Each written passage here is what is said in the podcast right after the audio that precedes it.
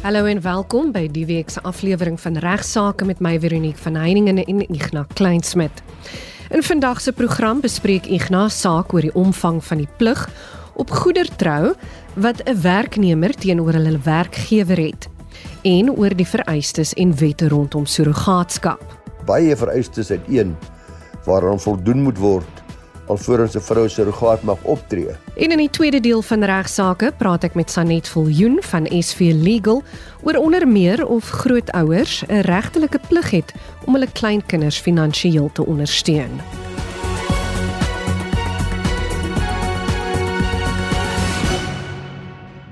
Ons sluit nou by Ignas Kleinsmid aan en hy bespreek eerstens 'n saak oor die omvang van die plig op goedertrou wat 'n werknemer teenoor hulle werkgewer het. Goeiemôre luisteraars, goeiemôre Veronique.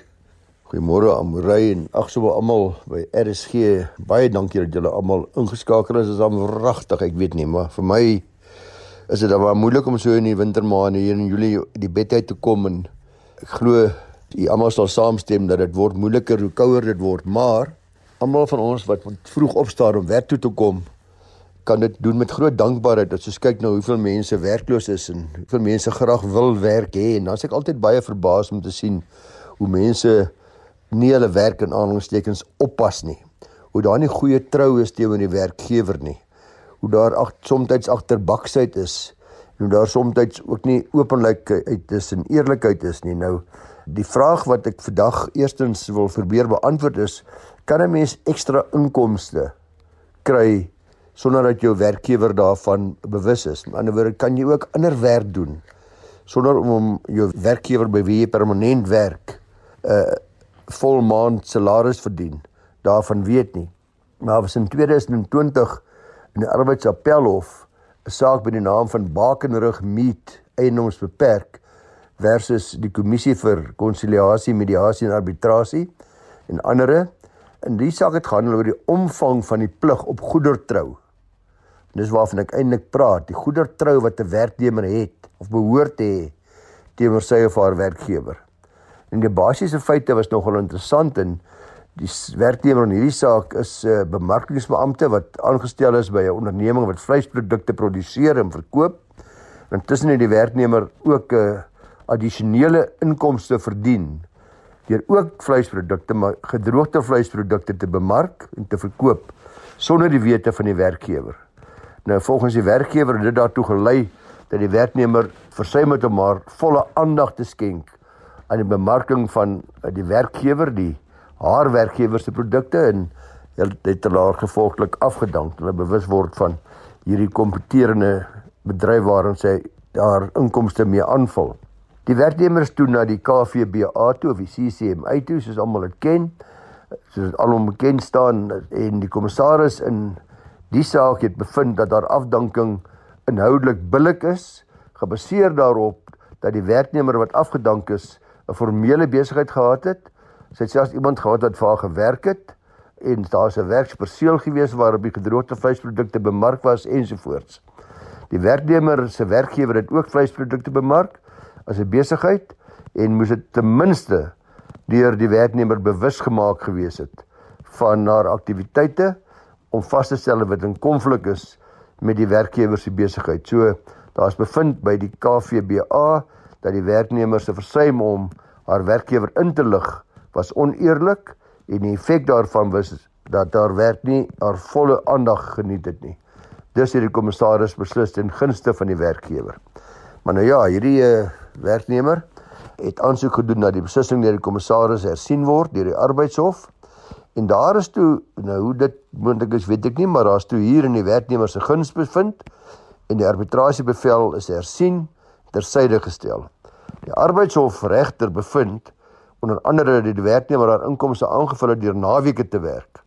Dat sy nie 24 uur aangestel is deur die werkgewer nie, dat sy net van maandag tot vrydag by die werkgewer werk en dan sy naweke dus ook ander werk kon doen. Die regter bevind dat die kommissaris nie tot die gevolgtrekking kon kom dat die werknemer ander indiensneming gehad het. Terselfdertyd is haar indiensneming by die werkgewer nie. Nou daar's toe nog geappeleer deur die werkgewer teen hierdie beslissing van die arbeidshof. Ek ek dink uh, mense verstaan hoekom daar geappeleer is, want die regsdienwoordigers van die werkgewer voer tereg aan dat die werknemer dan 'n plig gehad het tot goeder trou en dan enigiets gedoen wat teenstrydig is met haar pligte as werknemer 'n afdanking sou regverdig. Daar was baie geskille, daar was baie getwis in die hof oor die produkte en dat die verkoop daarvan in kompetisie met die werkgewer was of nie. Daar is ook aangevoer dat die oneerlike nie openbaarmaking van 'n wesenlike feite afdanking regverdig en verder was daar argumente gewees dat berekende stilswye, deur net stil bly nie vertel nie, ook 'n bedrieglike nie openbaarmaking is. Maar wat nog die swaarste teen die werknemer hier gelei het, as jy na die hof uitspraak lees, is dat sy ook skriftelik aan die werkgewer genoem het dat na haar onderhoud wat sy geëis het, na haar egskeiding, daar geen ander inkomste is wat sy verdien het nie. Die appelhof bevind dus dat die kommissaris se beslissing redelik was deur te bevind dat die werknemer oneerlik opgetree het en in kompetisie met haar werknemer opgetree het en hierdie hofsaak en as jy dit gaan lees is 'n baie duidelike waarskuwing dat daar 'n baie fyn lyn is wat uh, geloop moet word en wat gevolg moet word waar jy jou inkomste aanvul en hoe en wat die plig op 'n werknemer is om die werkgewer in te lig van hierdie addisionele inkomste. In 99% van gevalle sal dit tot afdanking kan lei waar jy ander werk doen sonder om jou werkgewer daarvan in kennis te stel. Dis nou gevalle waar jy op 'n permanente basis aangestel is eh, by 'n werkgewer. Ignas bespreek nou die wet en vereistes rondom surrogaatskap. Ja, deesdae Veronique is die term surrogaatskap vir baie van ons 'n uh, eh, bekende begrip. Ons weet al dat 'n vrou deesdae kan sê dat sy heeltemal bereid is om vir 'n familie se rogaat op te tree om hulle droom van kinders te vervul, om die baba dus te dra vir 9 maande namens twee ander mense. Daar's egter baie baie meer tot surrogaatskap as om bloot net 'n kind liggaamlik namens iemand anders te dra. Daar was onlangs 'n baie belangrike hofsaak eksparte JCR en ander wat ek raak gelees het en omdat ek nie op hierdie gebied 'n spesialis het nie en ek toe vir Elmarie Rigter daar by van Velden Duffy wat 'n familieregspesialis is gevra om bietjie vir ons te vertel wat die invloed en wat uh, van hierdie uitspraak is en wat presies dit alles behels. Nou daar 'n skaatskap uh, normaalweg word behoorlik beskryf in die kinderwet. Dis nou die kinderwet 38 van 2005 daar in artikel 292 tot 303 word daar volledig hiermee gehandel en sit baie vereistes uiteen waaraan voldoen moet word alvorens 'n vrou surrogaat mag optree. Ek gaan net so een of twee daarvan uitlig. Daar moet onder andere skriftelike ooreenkomste wees. Dit moet deur die Hooggeregs of goedgekeur wees oor ooreenkomste. Die huweliksmaat vir die surrogaat, dis ook die moeder wat die baba gaan ontvang, moet toestemming gee tot hierdie surrogaatskap. En so ooreenkoms kan slegs geldig wees indien die eiersel of die sperm van die toekomstige ouers gebruik word, nie ander mense se eiersel of sperms nie. Daar mag ook nie inkomste verdien word nie. Die surrogaatmoeder moet ten minste een kind van haar eie hê, is ook belangrik. Alvorens sy surrogaat mag optree. Die toekomstige ouers mag slegs van 'n surrogaat gebruik maak dien hulle nie oor die vermoëns beskik om hulle eie kind in die wêreld te bring nie. Nou dis maar net 'n paar van die vereistes waaraan voldoen moet word. Die wet plaas ook baie klem op die beste belang van die ongebore kind en uh, moet die hof ten minste met die bevestiging van die surrogaat ooreenkoms altyd dit in ag neem. Maar die vraag is natuurlik nou wat van die surrogaatmoeder se ander kinders wat vir 9 maande lank in hulle ma se swangerskap moet deel. Maar nou weer ma is verwagtend maar hulle weet die ander kinders weet dis nie hulle boetie of sussie wat daar uh, gebore gaan word nie is die surrogaatskap in hy ander kinders se beste belang. Dis nogal iets wat 'n mens laat wonder. Dieselfde vraag kan gevra word oor die toekomstige ouers se ander kinders. Hulle het uh, geen idee dat daar dalk 'n baba op pad is nie. Hulle ma is nie swanger nie.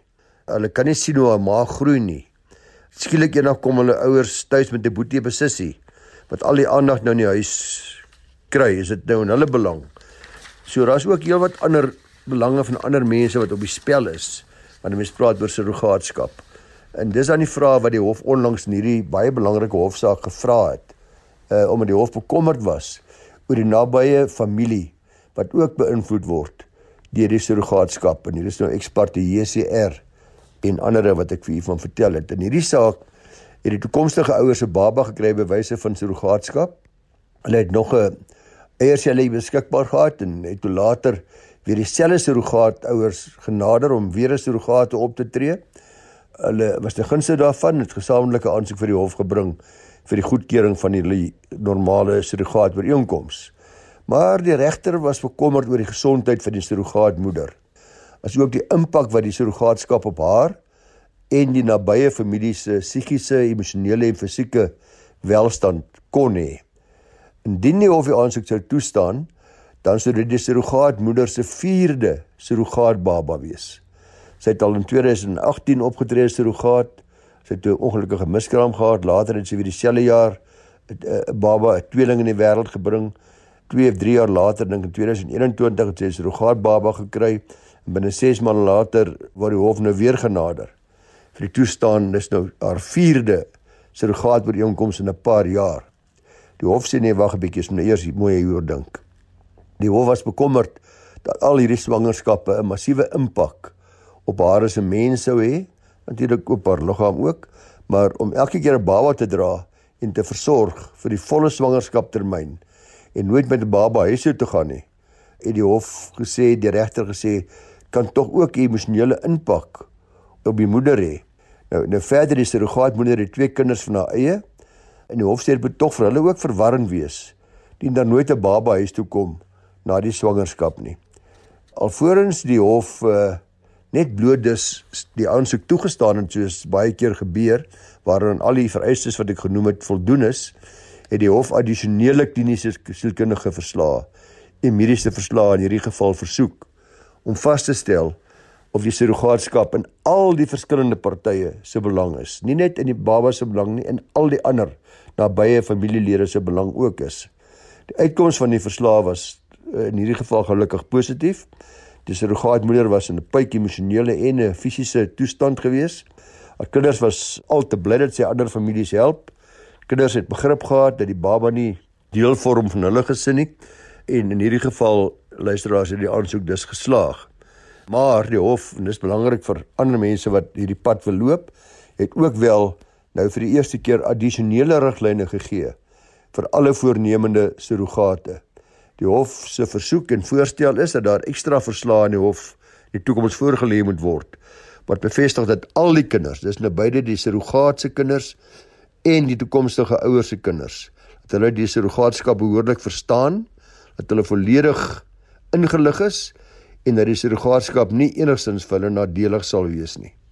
Nou hierdie verslag is addisioneel tot die normale beste belang verslag van die ongebore baba soos ons dit tot nou toe geken het.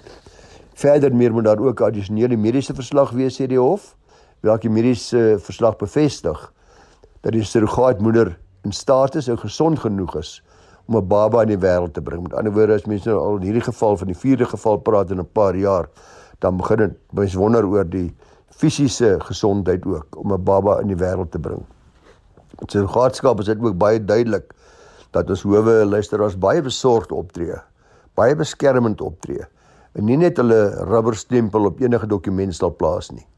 Dis net reg dat ons howe plig het om seker te maak dat nie net die baba wat gebore staan te word nie, maar dat al die betrokke partye gereed is vir hierdie surrogaatskap. Daarmee saam is daar daar's nou 'n uh, ekstra plig dat ons howe moet seker maak dat die surrogaatskap in al die kinders van al die betrokke partye se belang sal wees dit sluit in besonder dan ook die kinders van die surrogaatmoeder. Ja, Veronique, my tyd is verstreke en ek sê my nou langsam moet haas om klaar te maak. Dit my nou dink aan die storieetjie in uh genade heel agbare waar Arm van Sail vertel van sy oom die jong prokureurtjie wat ook 'n vervoermaatskappy begin het met die tipiese arrogansie van 'n jong prokureur kies hy toe Latynse slagspreuk vir sy nuwe maatskappy Festina Lente oftewel haas jou langsaam. Dit word nou in Latyn op al die vragmotors wat hy het se deure aangebring. En dis nie lank nie te word een van sy vragmotors se uh, in 'n is in 'n botsing betrokke en die bestuurder moet in die hof getuig oor hierdie vragmotor wat met die naam Festina Lentay en die aanklaer vra of hy ooit weet wat die woorde op die vragmotor se deur beteken. En sy verduideliking uh, kon eintlik nie beter gewees het nie, want hy antwoord: "Uh edelagbare meneer het gesê ek moet my alie roer, maar ek moet mooi ry." Groete aan almal, lekker dag. Dankie Ignas vir jou interessante bydrae tot vandag se program. Ek glo ons het almal vandag iets geleer. Ek praat nou met prokureur Janet Viljoen van SV Legal oor of grootouers 'n finansiële plig teenoor hulle kleinkinders het. Weereens welkom by die program Sanet. Nou Sanet, wie se plig is dit om 'n kind te ondersteun? Dit is duidelik dat ouerskap outomaties lei tot die verpligting van 'n ouer om 'n kind te ondersteun.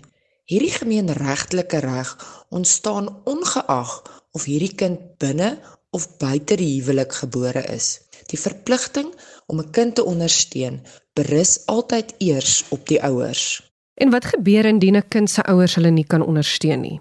Wanneer albei ouers nie hul kind kan ondersteun nie, strek hierdie verpligting dan tot by die grootouers van die kind. En as daar nie grootouers is nie, of hulle nie die middele het om die kind te ondersteun nie, sal die plig na die broers of susters oorgedra word. Die gemeenereg erken 'n hiërargiese plig van ondersteuning. Wat beteken dat die verpligting eers na die grootouers oorgedra word en dan na die grootgrootouers voordat dit na die broers en susters oorgedra word. Suid-Afrika is 'n demokratiese land en erken die reg wat elke kind het tot 'n aanvaarbare lewensstandaard en kwaliteit lewe. Alhoewel die primêre verantwoordelikheid om 'n kind te ondersteun berus op die ouers, is die kind se beste belang altyd van kardinale belang. Hierdie reg word uiteengesit in die Handves van Regte. Om hierdie rede word die verpligting uitgebrei na die grootouers. Goed. Nou, is daar 'n verskil in die verpligting van die grootouers indien die kind binne of buite die huwelik gebore is? In gevolge die vroeë standpunt van ons gemeenereg, moet die grootouers aan die moeder en aan die vader se kant hul kleinkind gebore binne die huwelik ondersteun indien die ouers dit nie kan doen nie. Tot op hede was daar slegs 'n plig op die grootouers aan die moeder se kant indien die kind buite die huwelik gebore is en er is daar geen plig op die grootouers aan die vader se kant in hierdie geval nie. Hierdie standpunt is egter onlangs in die Wes-Kaapse afdeling van die Hooggeregshof oorweeg, waar daar besluit is dat die gemeenereg in hierdie verband ontwikkel moet word en dat dit nodig is om hierdie standpunt uit te brei na die grootouers aan die vader se kant in dieselfde mate as die grootouers aan die moeder se kant. Dit is nodig om die gemeenereg in lyn te hou met die waardes wat vervat is in ons grondwet. Die hof het bevind dat die vorige posisie neerkom op onbillike diskriminasie en dat die grootouers aan beide kante dieselfde mate van verpligting tot onderhoud het, ongeag of die kind binne of buite die huwelik gebore is. En Sanet, wat gebeur nou na hierdie hofsaak in terme van onderhoudseise in die onderhoudshof? Soos ek vroeër genoem het, is die beste belange van die kind altyd die belangrikste faktor. 'n Kind het ook die reg op gelykheid voor die wet en mag daar nie onbillik gediskrimineer word teen 'n kind nie. 'n Toename in onderhoudseise teen grootouers word wel verwag, maar hierdie plig ontstaan slegs indien die ouers van die kind nie die kind kan ondersteun nie. Die finansiële posisie van alle partye sal natuurlik in ag geneem word om die bedrag van bydrae tot onderhoud te bepaal. Om hierdie rede bestaan daar dus geen vermoede by onderhoudsplig oor die onderhoudsbehoeftes nie en gaan dit verskil van geval tot geval. As 'n onderhoudseis teen 'n grootouer ingesit word, het die grootouer die regtelike keuse om te vra dat 'n eis teen die ouers eers nagevolg word voordat die grootouers verplig word om te ondersteun. Dit is belangrik dat ouers hulle plig om hulle kind te ondersteun moet besef. En hierdie hofbeslissing moet nie deur ouers gesien word as 'n kans om van hul onderhoudsverpligting los te kom nie. Die grootouers sal slegs verplig wees tot onderhoud indien albei ouers werklik nie die kind kan ondersteun nie. Dankie Sanet en net ter afsluiting een laaste vraag. Hoe word die onderhoudsbedrag bereken en vir hoe lank moet onderhoud betaal word? 'n Onderhoudsbevel word verleen na die beste belang van die kind. Die hof as oppergesag oor alle kinders sal dus alle omstandighede in ag neem en seker maak dat daar na die kind se behoeftes omgesien word. Die onderhoudsverpligting duur voort solank as wat 'n kind, selfs 'n minderjarige kind, onderhoudsbehoeftig is en ouers of grootouers in staat is om in die behoeftes van die kind te voorsien. Die onderhoudspligtige se plig tot onderhoud eindig dus nie outomaties as die kind die ouderdom van 18 jaar bereik nie. Die faktore wat vir die hof relevant is om die bedrag onderhoud te bepaal, is die volgende: die ouderdom van die kind, gesondheidstoestand, opvoedkundige behoeftes, die onderhoudspligtige se vermoënsposisie en die lewensstandaard van die gesin. Daar word gewoonlik in die onderhoudsbevel aangedui tot op watter ouderdom onderhoud verskaf moet word. In die afwesigheid van so 'n bepaling sal die onderhoudsverpligting voortduur totdat dit in gevolge 'n hofbevel teruggetrek word. Enige familielid wat die kind voltyds versorg, kan by die onderhoudshof aansoek doen dat een van die ouers of die grootouers onderhoud moet verskaf. Die een van wie onderhoud geëis word, moet egter in staat wees om dit te kan bekostig. Dit is dan waar ons vandag se program moet afsluit en dankie aan Sanet Viljoen van SV Legal vir jou deelname in vandag se program en soos altyd aan Ignas Kleinsmid. Vir enige navrae of voorstelle, stuur gerus 'n e-pos na my toe by vero@rsg.co.za. Van my Veronique van Heiningen groete tot volgende week.